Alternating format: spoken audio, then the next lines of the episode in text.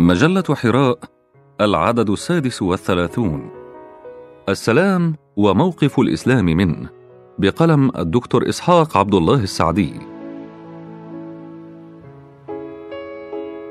تعد قضية السلام من القضايا الكبرى في التاريخ وعلى الرغم من سلاستها وعذوبة لفظها وجنوح الفطر السليمة إليها وكونها خيار العقلاء والحكماء قديما وحديثا في تأسيس علاقة الإنسان بأخيه الإنسان وفي العلاقات الخاصة والعامة التي تربط بين الأفراد والجماعات والدول والشعوب إلا أن وقائع التاريخ ومجريات أحداثه أغفلتها في كثير من الأحوال أو تلاعبت بدلالاتها ومفهومها وأدخلتها حلبة المزايدات السياسية والتفسيرات الدينية المؤدلجة. كذلك تقاذفتها المطامع والمصالح وصراع القوى. مما يحدو بالباحث في هذه القضية الكبرى للنظر لخلفيتها التاريخية. إما كوسيلة للإمبراطورية وإما كطريق للحضارة على حد تعبير المفكر الكبير مالك بن نبي رحمه الله. وفي دراسة لسعاد الحكيم بعنوان نحو فلسفة للسلام الإنساني شخصت الكاتبة أسباب إخفاق مفاهيم السلام كالمحبة والتسامح والحوار وقبول الآخر كجزء لا يتجزأ من الذات في ثلاثة أسباب. السبب الأول إن مفاهيم السلام بقيت عند الممارسة في إطار فردي نخبوي ولا تمس حياة الجماعة عامة. لا شك في أننا نجد اشخاصا هنا وهناك على امتداد العالم يريدون السلام حقيقة ويتحلون بالتسامح والمحبة والقدرة على رؤية الآخر في الذات. ولكن هؤلاء الأشخاص لم يستطيعوا للأسف أن يشكلوا تيارا اهليا قويا وظل نشاطهم محصورا في نخبة طائفية أو قلة فكرية.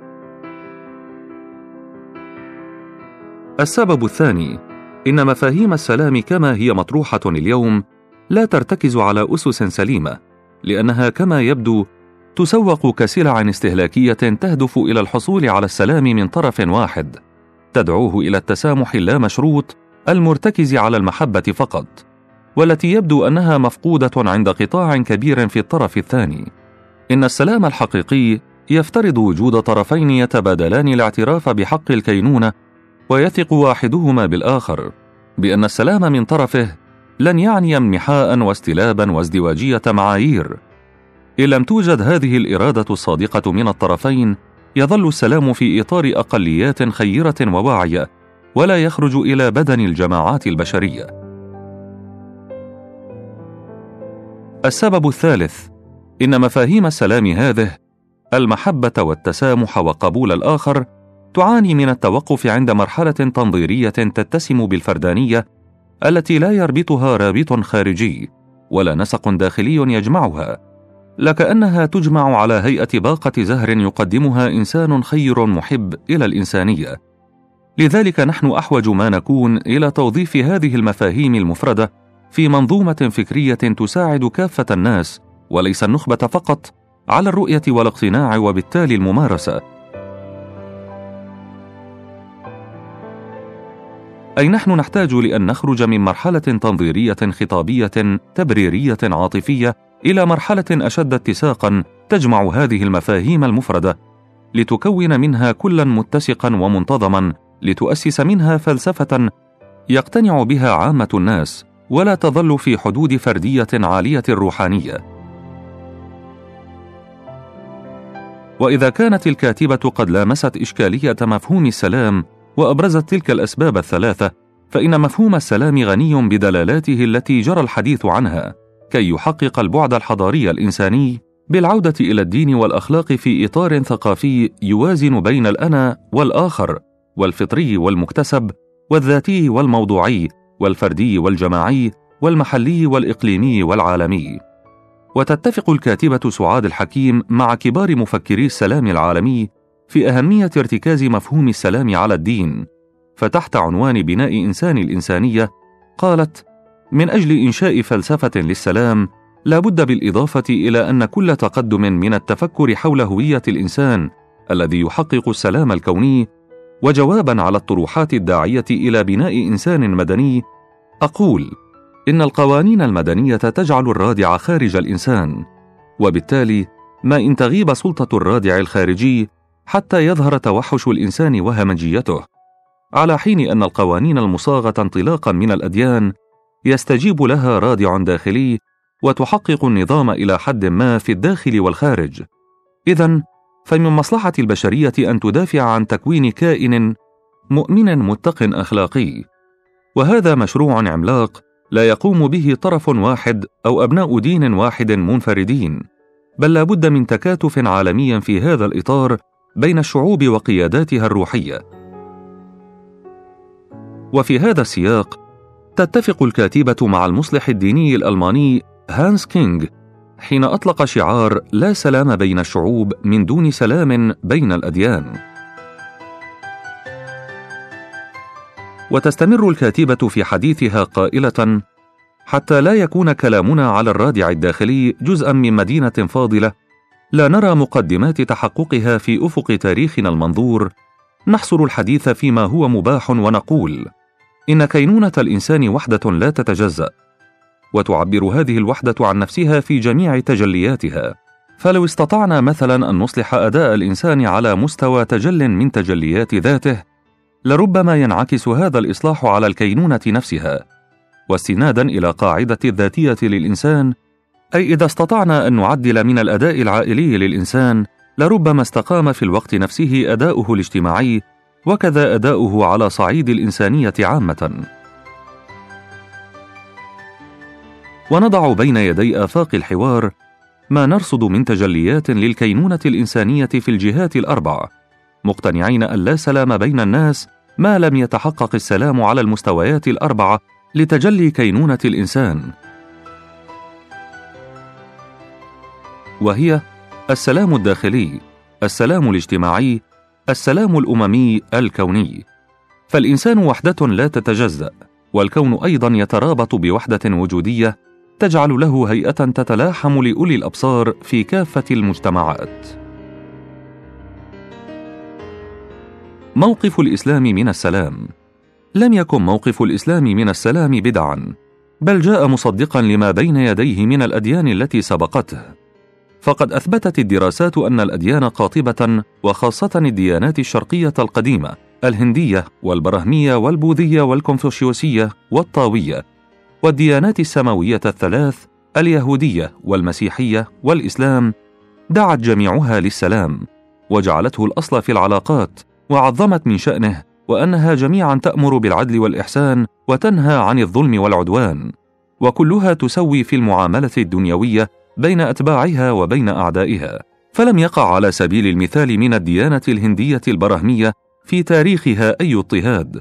كذلك البوذية التي لم تعتدي قط على أحد مخالفيها فقد كانت مبادئها تحملها دوما على سعة الصدر لأي خلاف وأنه لا مشكلة لديها مع السلام البتة وكذلك الديانة المسيحية ذات الطابع المتسامح الذي حملها على التواضع والسلام. بل الخضوع والاستسلام فقد كان من شعاراتها أحب جارك كما تحب نفسك ومن ضربك على الخد الأيمن فامدد له الخد الأيسر. كذلك أوجبت على من يسفك دم أحد الطرد من حظيرة الدين.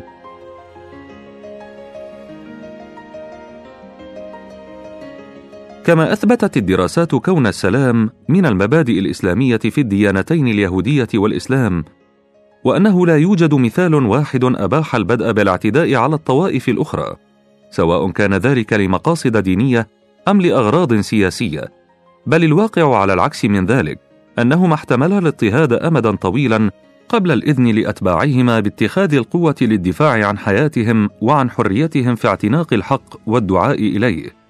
أما الإسلام فقد تميز في موقفه من السلام بكون السلام نفسه واسم الإسلام نفسه يرجعان لأصل واحد ويشتركان في كثير من الدلالات والاشتقاقات اللغوية بما فيها من سعة وامتداد وعمق. ثم إن الإسلام اتخذ من التدابير ما يكفل أن يكون السلام جوهر الإسلام وظله وأساس معتقده وأهم مبادئه وركائزه العقدية وقيمه الأخلاقية والتشريعية الأساسية واختاره أن يكون تحيته. فبالسلام البدء والنهاية والتواصل في مختلف دوائره على صعيد النفس والكون والحياة. ولإيضاح تلك التدابير يجري الحديث عنها في الآتي: واحد: التدابير التربوية الثقافية التي تعتمد على السلوك والأخلاق. اثنان: التدابير التشريعية المقننة. ثلاثة: التدابير الملائمة لسنن الكون والنفس والحياة. فأما التدابير التربوية الثقافية فقد استطاع الإسلام أن يغرس السلام في داخل نفس الفرد المسلم بالتربية والثقافة والسلوك والأخلاق. فقرر أولا أن الناس من أصل واحد وأنهم جميعا أبناء رجل واحد هو آدم عليه السلام الذي جعله الله سبحانه وتعالى خليفة له في الأرض وسخرها له وكرمه وفضله على كثير ممن خلق. وأسجد له ملائكته وعلمه الأسماء كلها. ثم أورث تعالى بني آدم تلك الخلافة وتحملوا الأمانة واطلعوا بالمسؤولية.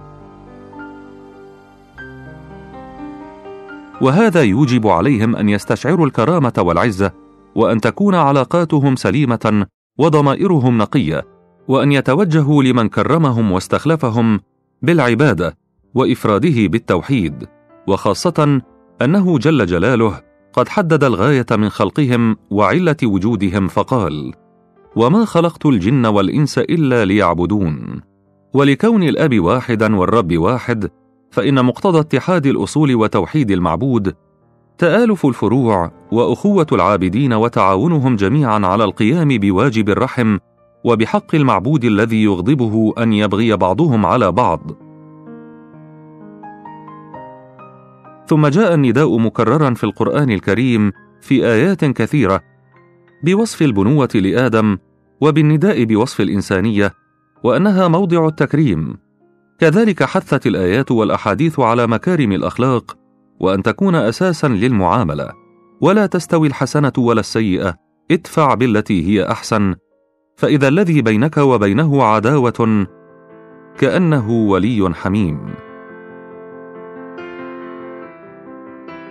وفي الحديث خالق الناس بخلق حسن رواه الترمذي. وورد الدين المعاملة. وجاء كذلك الأمر بالعفو والمخاطبة بالسلام.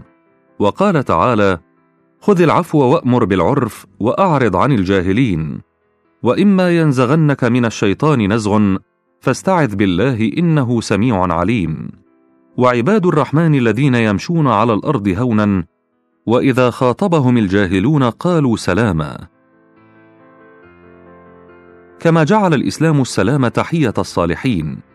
وبه يحيون أنفسهم في الدنيا والآخرة. قال تعالى وتحيتهم فيها سلام.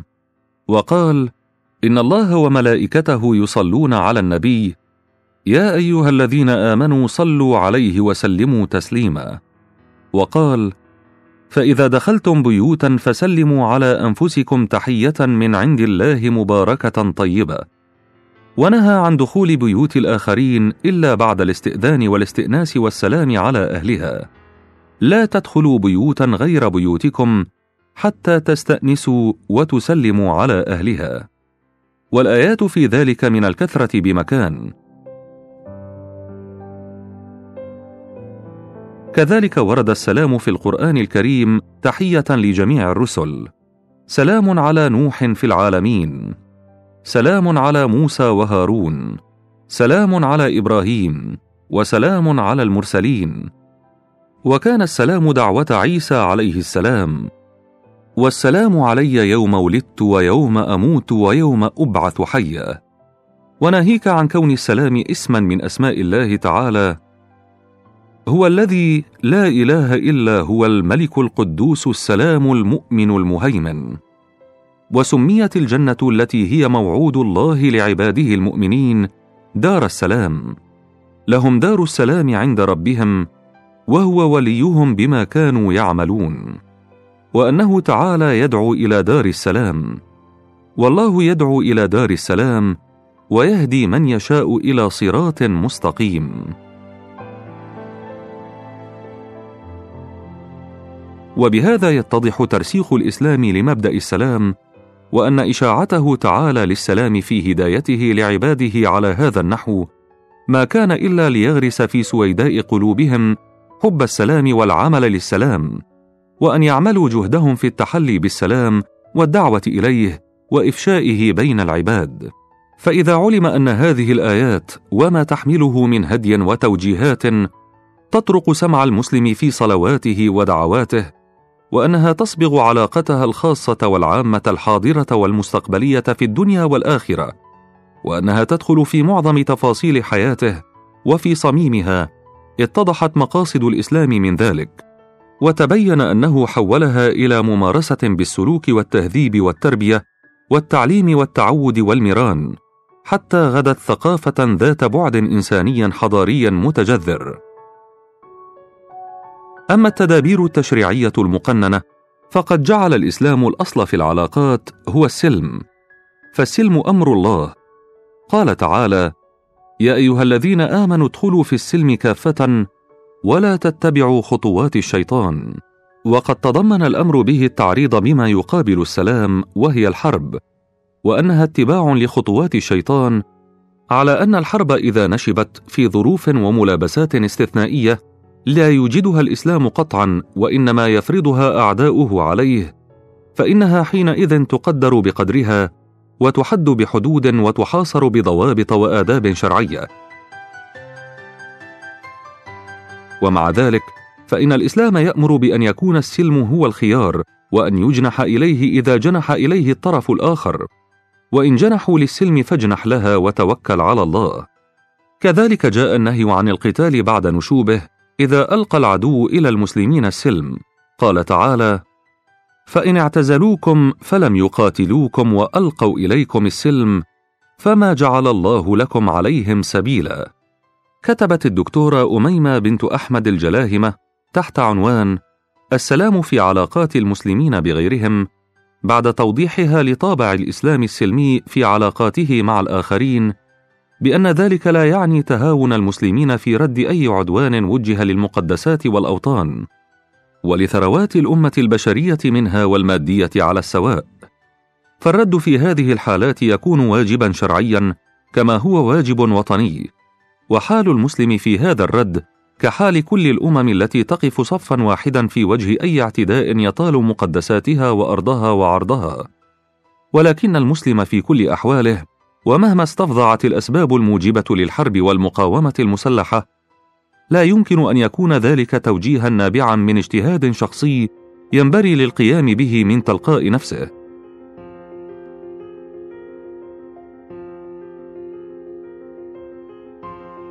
فللحرب في الإسلام نظم وأصول ملزمة لا يجوز للمسلم الخروج من خلالها على طاعة ولي الأمر وإجماع الأمة. فالحرب في الإسلام قرار دولة لا قرار فرد مهما على شأن هذا الفرد في أمته. أما التدابير الملائمة لسنن الكون والحياة والنفس الإنسانية فإنها ذات نسق وسياق يؤكد إعجاز الإسلام وتؤيده الاكتشافات العلمية والدراسات المتعمقة في فقه التاريخ والحضارة والدراسات الإنسانية. والحديث عن ذلك لا يمكن اختصاره في هذا المقال إنما أكتفي بالإشارة إلى كون السلام في الإسلام ينداح في دوائر بدءا من سلام الفرد مع نفسه إلى سلامه مع أسرته ومحيطه القريب إلى سلامه مع محيطه وبيئته بموجوداتها وتنوعاتها الثرية من الكائنات الحية والنباتات المختلفة في البر والبحر والجو. وما تمارسه المنظمات الحديثة التي تصدت لهذا الجانب تحت مسمى السلام الأخضر تتفق مع ما سبق إليه الإسلام من العناية بهذا الجانب واشتماله بتشريعاته وحمايته للحياة الفطرية وإنمائها وأن مفهوم السلام وفلسفته في الإسلام شكلت دائرة واسعة تحيط به وتحافظ على التوازن البيئي بوعي وإدراك حضاريين. فالسلام في الإسلام مفهوم أصيل وفلسفة عميقة يفي بمتطلبات البشرية قاطبة كي تعيش حياة كريمة وتنعم بالأمن والاستقرار في ظل أخلاقيات تطبع النفوس بروح التسامح وحسن التعامل مع المخالفين في المعتقد من غير تعصب لمعتقد ولا حقد ديني يحمل على الحيف والظلم ومن غير تطرف ولا عنف. إنما تقوم العلاقات بين المسلمين وغيرهم على البر والعدل والإحسان والتوسط في المواقف والتوازن بين التجاذبات. وبذلك حقق الإسلام في موقفه من السلام البعد الإنساني الحضاري الاستراتيجي. ولضمان أن تكون السيادة للسلام حاضرا ومستقبلا فإنه ينبغي اعتماد الإصلاح السياسي بدعم الديمقراطية وفسح المجال للنقد والشفافية واحترام التشريعات الإلهية. وتقييد التقنينات التي تمليها متطلبات الواقع بالأخلاق الحميدة وأن تصبغ بالمبادئ الإنسانية من خلال علماء الدين وفلاسفة الإنسانية وحكمائها والنخب الثقافية. وإذا كانت الأديان وآخرها الإسلام هي المؤسسة للسلام على النحو الذي جرى الحديث عنه فإن على قادة الفكر والسياسة ورواد السلام أن يفسحوا في المجال للتثقيف والتهذيب الديني وخاصة للثقافة الإسلامية بما تنطوي عليه من خصائص وسمات إنسانية وأطر عالمية من حقها أن تتفاعل مع الثقافات الأخرى في أجواء من السلم والمسالمة بعيدا عن روح العداء.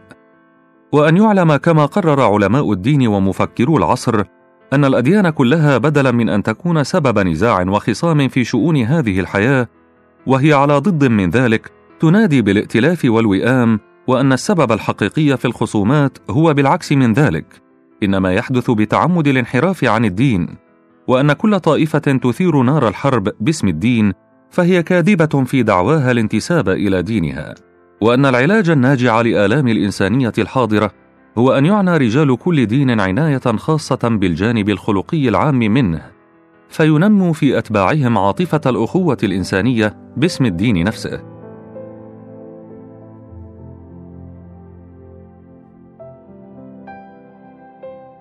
كما ينبغي العمل باسم السلام ومن أجل السلام على معالجة ما آل إليه السلام في النظم البشرية الحديثة حيث اتخذته الأمم المتقدمة والمختلفة شعارا لمضامين أخرى.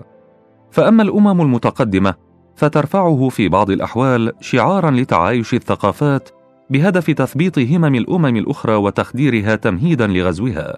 وأما الأمم المتخلفة فترفعه بسبب الروح الانهزامية والضعف